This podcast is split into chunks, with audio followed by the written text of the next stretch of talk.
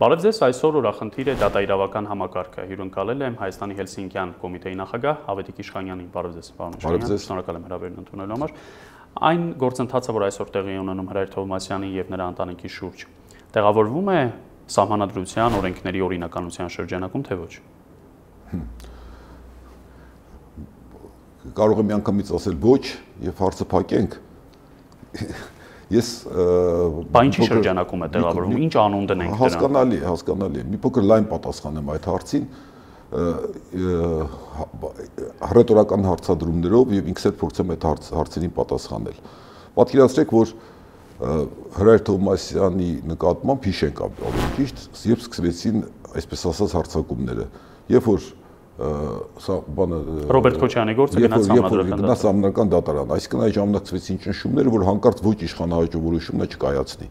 մինչ այդ հիշենք շուտ 1 տարի անցել էր իշխանապողությունից հետո Հրեր Թովմասյանի նկատմամբ ոչ միայն չկար որևէ ճնշում որևէ հարցակում այլև շատ լավ իշխանական բերնախաբի հետ նա տարբեր միջոցառումներ են մասնակցում եւ Արարատ Միրզոյանը դեռ փոխվարչապետը ասում էր մենք մտադրություն չունենք, չունենք նման իրավասություն։ Այո, այսինքն այսինքն այստեղ հարցը գնաց ոչ իշխանահաճո որոշում կայացնելու հետ կապված, միանգամից հանկարծ հիշեցին, որ սամնական դատարանը այս է, այն է, այն է եւ այդ եւ այդ ժամանակվանից սկսվեցին այդ ժամանակ եթե դրանից մի խոսքով անհաջող բառախաղեր, բանը դատավոր անդամ անհաջող բառախաղեր, որի շուրջ Վենետիկի հանձնաժողովը տվեց իր գնահատականը։ Այո, ես հիմա Վենետիկի հանձնաժողովին դնենք մի կողմ։ Հետագայում, հետագայում սկսվեցին տարբեր տիպի այլ այսպես ասած գնահատականներ, թե նա ինչպես է ընտրվել, կարծես թե հետաքրքրականն այն է, որ այ ինչպես է ընտրվել այդ հանկարծ ինչու հիմա հիշեցիք, թե որ կուսակցության անդամ է եղել, ինչու հիմա հիշեցիք։ Այսինքն միանգամից այդ ամբողջ հսկայական այսպեսի բան ալիք սկսվեց հարցակվել Ռերթովմասյանի վրա եւ և ի վերջո մենք շատերս շատերը չգիտեն, թե ինչ այսպես ասած ստվերային բան խոստումներ է եղել եւ սպառնալիքներ դրա նկատմամբ իսներ հայժարական։ Դա ինչ ճիշտ ասած ինձ համար զարմանալի է, որ Հրայր Թովմասյանը այսքան դիմացավ, որ ես ինքս անձամբ ասեմ, ես չգիտեմ, ես լինեի նրա փոխարեն այդքան կդիմանայի թե ոչ որ ասացիք ստվերային հորդորներ ու ճնշումներ են եղել բանաշխանում։ Հիշում եք, երբ Արարատ Միրզոյանը իր ելույթում մի շատ կարևոր բան ասաց, ասաց Հրայր Թովմասյանը ուներ տարբերակ լինելու սահմանադրական դատարանի լավ նախագահ, նա չօգտագործեց այդ հնարավորությունը։ Ես չեմ կարծում, որ Արարատ Միրզոյանը նկատում էր այդ ճնշումները, նա նկատում էր այն, որ ինքը չընդուներ դատարանի այդ դիմումը։ Ուղղակի եթե չընդուներ սահմանական դատարանը այդ դիմումը, մերժեր այդ դիմումը։ Շարունակեր լինել ձեռնտու։ Ապա կլիներ կլիներ կներ շատ լավ սահմանական դատարանի։ Ինչպես գլխավոր դատախազը։ Այո, ինչպես ես հենց այդ էի ուզում ասել, դու մի րոպե պատկերացրեք, որ հանկարծ գլխավոր դատախազը Դավիթ Գրիգորյանի դեմ գործ չարուցեր։ Ես գիտեք մենք բան կանենք այսօր ինչ որ կատարվում է Հրեր Թովմասյանի նկատմամբ դա կլինեին դա կլիներ ուղղակի շատ նուրբ հարցակումներ, որովհետև ի վերջո դինելով երկար ժամանակ իրավապահ մարմինների աշխատող գլխավոր դատախազը նրան ընդհանրապես շատ դժվար կլիներ ինչ որ ձեւ նույնիսկ պաշտպանել ինչ հարցակումներ կլինեն եւ ինչ Բայց շատ հեշտ կլիներ նրան հեռացնել։ Դրա հնարավորությունը ունի գործադիր իշխանությունը ի տարբերություն համանդրական դատարանի նախագահի։ Համնեպս համնեպս հիմնավորում կլիներ թե ինչի համար են հեռացնում, մի քանի քրեական գործ կհարուցեին նրա եւ նրա ընտանիքի տարբեր անդամների նկատմամբ եւ խնդրեմ այսինքն ես ավելին ձեզ ասեմ ի վերջո ինձ համար ամենա այդ ամեն ինչը դրած մի կողմ այդ ամեն ինչը զգալով իմանալով շատ շատ հարցեր երբ որ նրա սանիկներին ձերբակալեցին դա արդեն շատ տհաճ էր արդեն չգիտես այս ուր են գնում հետագայում քրոջ նկատմամբ այնքան որ նրա քույրն է Անժելա Թովմասյանը այդ հարցակումներն ու հայհոյանքները եւ ի վեր եւ վերջապես եկավ հասավ այն հարց այն պահը, երբ որ սկսեցին արդեն նրա դուստրերին եւ հոր նկատմամբ ինչ որ էնել KGB-ն, ես հատուկ եմ շեշտում KGB-ն, KGB-ի այսպիսի հարցակումները։ Գիտեք, ես միանգամից այսպես ասեմ, քիչ առաջ միտեղ քննարկման էինք, ես այնտեղ էլ շեշտեցի, որ ես երկար ժամանակ այդ թվում նաև հայլի ակումբի բազմաթիվ հրավերներին չեմ գնացել, մի շարք այլ հերոստահայկերությունների հրավերներին չեմ գնացել, գուցե դուք էլ դա կհիշեք, հատուկ չէի գնում, որպեսզի որևէ քաղաքականուշ ինձ չփորձի իմ տեսակետները տեսակետները հակահեղափոխական լինել։ Ոչ, ոչ։ Իմ տեսակետներն օգտագործել իր քաղաքական նպատակների համար։ Բայց երբ որ արդեն սանիկներին ձերբակալեցին Հրայր Թովմասյան եւ երեկվա այդ դեպքի եղավ, ուղղակի պետք է հարթակ, պետք է բոլորին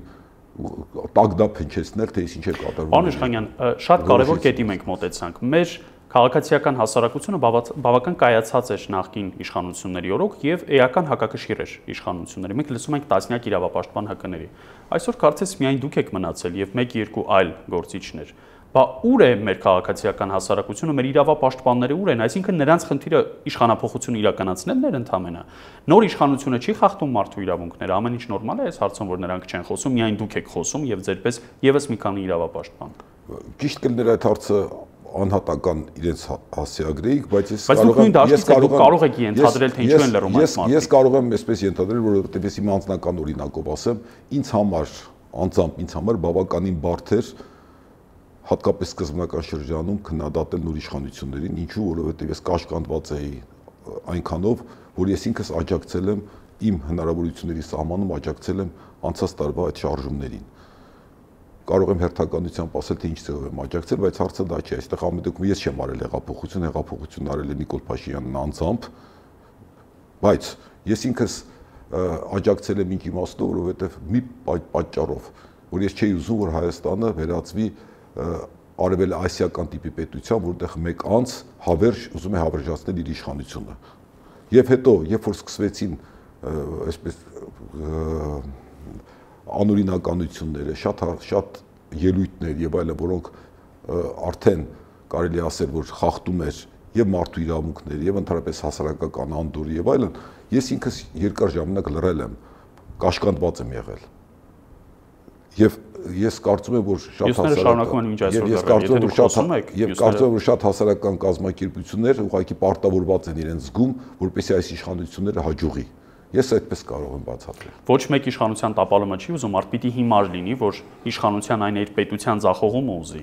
Բայց ընդդիմախոսությունն ու քննադատությունը ամեն դեպքում անհրաժեշտ է։ Եվ ամենակարևոր հարցը գիտեք որն է, որ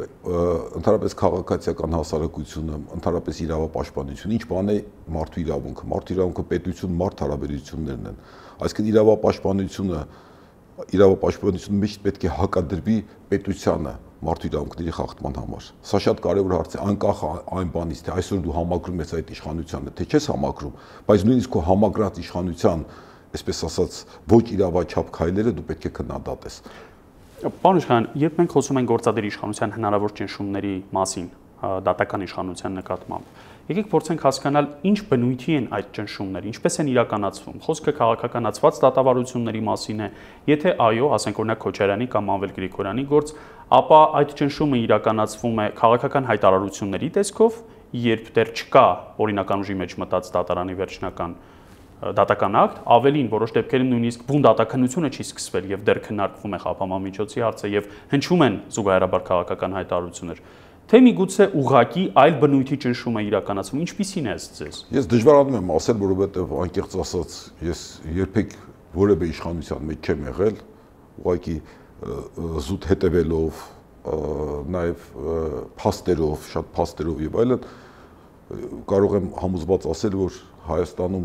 ստեղծվեց մի դատական համակարգ, դատա իրավական, ես այսպես կարող եմ ասել, որոնք հլու հնազանդ ծառայել են միշտ գործադիր իշխանություններին եւ դրա այսպես ասած կնիկը խփվեց 95 թվականի սահմանադրությամբ եւ ոչնչացվեց դատական իշխանությունը։ Եվ այստեղ կա մի քանի հանգամանք։ Հանգամանքներից մեկը, որ դատավորները իրենք մենք ասում ենք հերախոսային արդարադատություն եւ հաճախ մտածում ենք, որ զանգ տվողը գործադիր իշխանության ինչ-որ ներկայացուցիչ է բայց կարող բայց կա նաև հակառակը, որ դատավորին գուցե եւ զանգ չեն տալիս։ Բայց ինքը գիտե թե ինչ դատական ակտ է։ Բայց ինքը կամ ինքն է զանգ տալիս եւ հարցնում թե ինչ դատական ակտ իրականացնի, կամ այսպես ասած այն ինչպես ռուսերենն են ասում սպիննի մոզգում, զգում է թե ինչ պետք է իրականացնի։ Իսկ որոշ դեպքերում, երբ որ տատանվում է դատավարության ժամանակ կամ իր պահվածքում, ապա ես համոզված եմ, որ լինում են նաև ճնշումներ եւ այդ ճնշումները կարող են լինել եւ ուղիղ եւ ուղակի եւ այսօր մի բան պետք է հաշվի առնել որի վերջո մեծ հասարակական աջակցություն ունեցող իշխանությունը կարող է նաև օգտագործել հասարակական ճնշումը, որը դատավորները ընկալեն որպես իշխանություն։ Որը եւ իդեպ օգտագործվում է եւ մյուս կողմից էլ է օգտագործվում, սա շատ ցավալի է եւ հաճախ հանրային ուշադրության կիզակետում հայտնվում է այն ամեն ինչ կատարվում է դատարանի շենքի առջև, ոչ թե բուն դատականությունը, սա ուղղակի սարսափելի է, այսինքն այստեղ մեռնում է արդարադատությունը։ Այո։ Եվ ես պիտի հիշեմ նաև իմ լրագրողական փորձից դեպքեր, երբ օրինակ իմ քայլի որոշ падգամավորների հետ հարցազրույցներում ես բացահայտել եմ, որ նրանք անկեղծորեն կարծում են, որ դատավորը արդարադատություն իրականացնելիս պետք է հաշվի առնի նաև հանրային կարծիքը Սա սարսափելի միտում է, սա արդարադատության վերջն է։ Սա սա սա հիանալի օրինակ բերեցիք եւ ամենացավալին այն է, որ քաղաքական գործիչ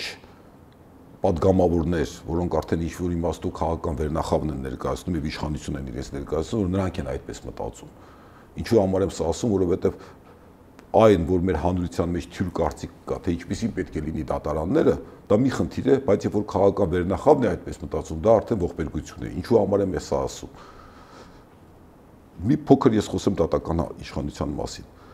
Մեր համանդության մեջ բոլորն է հղում անում դրան, հատկապես իշխանությունները, ժամանակին ընդդիմությունը, այսօր էլ ինչ որ չափով ընդդիմությունը, այսպես լավ պայմանապատական բան չի, անհրաժեշտ բան չի, որ ես ասում եմ, որ Հայաստանի համանդությամբ ամրագրված է, որ իշխանությունը պատկանում է ժողովրդին։ Եվ հիշենք, որ նույն այս հղումը անելով վարչապետ Նիկոլ Փաշինյանը հղում էր անում նաև դատարանների վրա, որ իշխանությանն է, որ ժողովրդին է պատկանում այսօր օրենսդիր գործադիր իշխանությանը, բայց ժողովրդին չի պատկանում բանը դատարանները։ Այստեղ շատ կարևոր հարց կա։ Ինքը համանդրական այդ հոդվածը ես չեմ ասի, ես կասեի, որ սխալ է, իրավաչափ չի։ Իրականում ժողովրդավարությունը ինչ է, ժողովրդավարությունը ժողովրդավարությունը այն է, երբ ընտրությունների միջոցով ձևավորվում է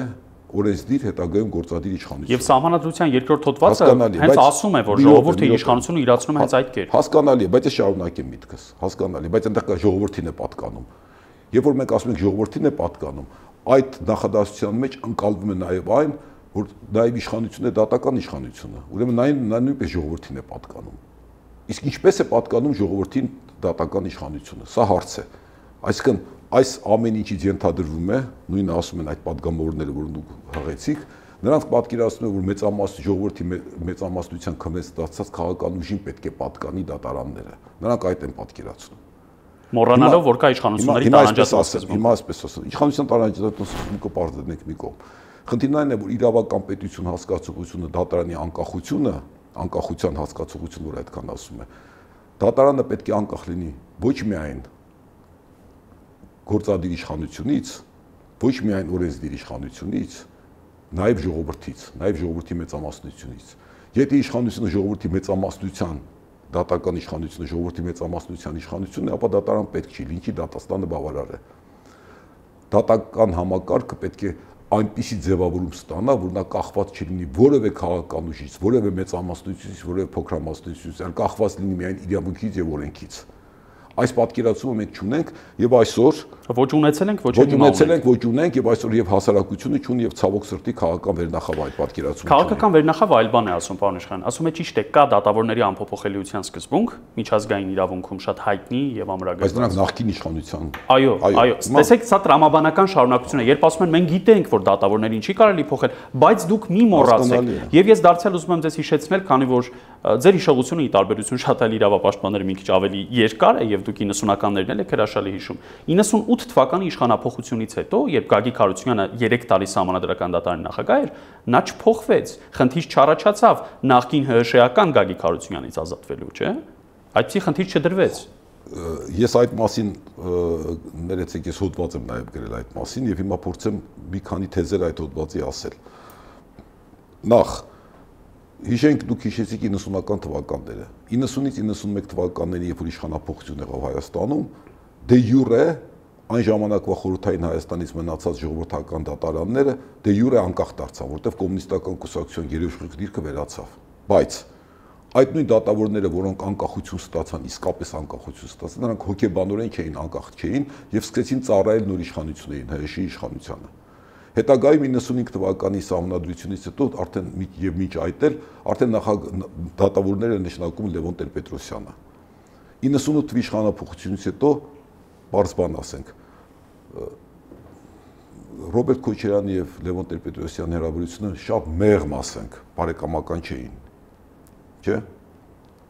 եթե խիստ ասենք, ավելին քան ճշնամանական, որ միջի ճշնամանական որ միջի մասը շարունակում են։ Լևոն Տեր-Պետրոսյանի նշանակած դատավորն այդ թվում ձեր հիշեցրած սահմանական դատարանը ենթարկում էին Լևոն Տեր-Պետրոսյանին, Հերթան Ռոբերտ Քոչարյանին։ Հիշենք նույն այդ դատավորների կողմից կայացված դատավարությունները Լևոն Տեր-Պետրոսյանի կողմից նշանակված Վանո Սիրադեղյան, Աշոտ Բլեյան, Մուշեղ Սաղաթելյան կամ նույն Դաշնակցությանը այդ նույն դատարանները, որ ազատ արձակեցին։ Այսինքն նրանք դատարանները եւ դատավորները իրենց հոգեբանությամբ եւ ինստիտուցիոնալ ձևով նրանք միշտ ենթարկվում են օրվա իշխանությանը, ոչ թե նախկին ով իրենց նշանակել է։ Այդ նույն համակարգը Լևոն Տեր-Պետրոսյանի նշանակած եւ Ռոբերտ Քոչարյանի նշանակած դատավորներով ժառանգվեց Սերժ Սարգսյանը։ Սերժ Սարգսյանը Ռոբերտ Քոչարյանի նախկին ընկերություն քաղաքականության մեջ ընկերություն չկա բավական մեծ ճաք էր տվել։ Իհարկե, ինչ որ մի բանի նրանք կոստանդինոպոսներ էին։ Եվ այստեղից հարց է առաջանում. Այդ նախքին նրանց նշանակած դատավորներ ում էին ծառայում Ռոբերտ Քոչարյանի եւ Լևոն Տեր-Պետրոսյանի, թե արդեն Սերժ Սարգսյանին, ելի կարող են բազմաթիվ օրինակներ բերել, թե Ռոբերտ Քոչարյանի մտերիմներին ինչպես էին դատում։ Այսինքն այսինքն այդ մտայնությունը, որ նրանք նախկիններին են ծառայում, ինչպես Վարդան Օսկանյանին։ Այո, այո, խնդրեմ։ Եվ հիմա հիմա նորից անցնենք առաջ։ Այդ դատավորները ժառանգություն ունացին Նիկոլ Փաշինյանին։ Հիմա այդ դատավորները ծառայում են նախկիններին, տեսնեք միշտ բերում եմ այդ օրինակները։ Սասնա Ծռեր, Ժիրայր Սեֆիլյան, Անդրեաս Ղուկասյան, Այդ ոնց եղավ որ հենց փոխվեցին նրանց խափան միջոցները փոխվեցին։ Այդ ոնց եղավ որ մնացական Մարտիրոսյանի մասին ամենավերջին հայրանքներ ասող քաղաքական գործիչները այսօր նրան իբրև դատավորի դիալ են։ Այսինքն այսինքն հարցը ընդհանրապես չէր բարձացվի այդ հարցը, եթե մի երկու դատավոր հանկարծ իսկապես ինձ համար էլ զարմանալի ինքնուրույնություն ցուցաբերեցին։ Այսինքն խոսքը վերաբերում է պարզում է որ կան դատավորներ, որոնք կարող են եւ բան այդ կամքը չանել։ Խոսքը վերաբերում է նրանց ճնշելուն ընդամենը սա է, իշ հարց չկա արդեն։ Ես ինքս հենց սկզբից իշխանապողության ժամանակ մեծ հույսեր ունեի դատա իրավական բարեփոխումների, որպես որպես իսկապես դե յուրե փոխվեն դատավորները։ Եվ որ խոսք էր գնում վեթինգ կոչված այդ հարցի մասին, իհարկե զգուշորեն, բայց պետք էր տեսնել թե որ դատավորները ինչ ինչ են արել եւ ինչ որ ինչ որ օրենսդրություն մշակել, բայց հետագայում պարզվեց որ ամեն անգամ այդ հարցը բարձրացում է, երբ որ ինչ-որ մի դատավոր փորձում է ինքնուրույնություն ցուցաբերել։ Վերջը հերթը ասավ սահմանական դատարանին Հրայր Թոմասին։ Ես մի դրվագ եմ ուզում հիշեցնել, քանի որ մենք այս ամբողջ պատմական համատեքստով նայեցինք Ռոբերտ Քոչյանի գրքից, երբ նա խոսում է 2004 թվականի սահմանադրական դատարանի որոշման մասին, ըստ որի վստահության հանրակրվե պետք է անցկացվեր, բայց դա ուներ խորհրդատվական նշանակություն, ոչ պարտադիր։ Եվ շատ անկեղծորեն Ռոբերտ Քոչյանը նկարագրում է, թե որքան է նեղսրտել եւ վրթովել Գագիկ Հարությունյանի այդ որոշումից եւ ավելին գրում է, որ դրանից հետո իրենց հարաբերությունները դարձան ֆորմալ, ոչ թե ընկերական, այլ պաշտոնական ավելի շատ։ Սա լավագույնս բնորոշում է ձեր ասածը, որ Հայաստանի բոլոր իշխանությունները ակնկալել են մշտապես իշխանահաճո որոշումներ եւ նրանք շատ լավ հասկացել են այսօր շարունակվում է։ Եվ շատ լավ հասկացել են դատավորներն էլ շատ լավ հասկացել են դա եւ հնազանդորեն ծառայել են։ Եթե անգամ որևէ զանգ չի եղել, որևէ հորդոր չի եղել, իրենք գիտեն ներքուստ։ Իրենք գիտեն ինչ պետք է անել։ Իրենք գիտեն ինչ պետք է։ Այսօր էլ։ Այսօր էլ։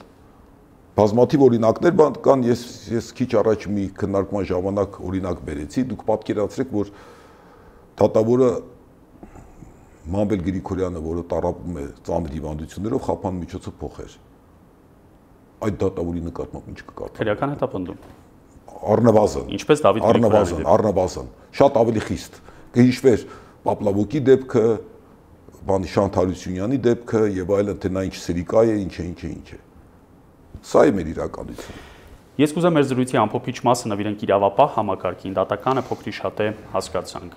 Արդեն մոտ 1 ամիս է ոչ ոստիկանության եւ ոչ էլ ԱԱՑ-ի ղեկավարներ չունենք, պաշտոնակատարներ են, Եվ հրաշալի գիտեք նաև, որ նոր օրինագծով երկրորդ ընթերցում դեռ պետք է անցնի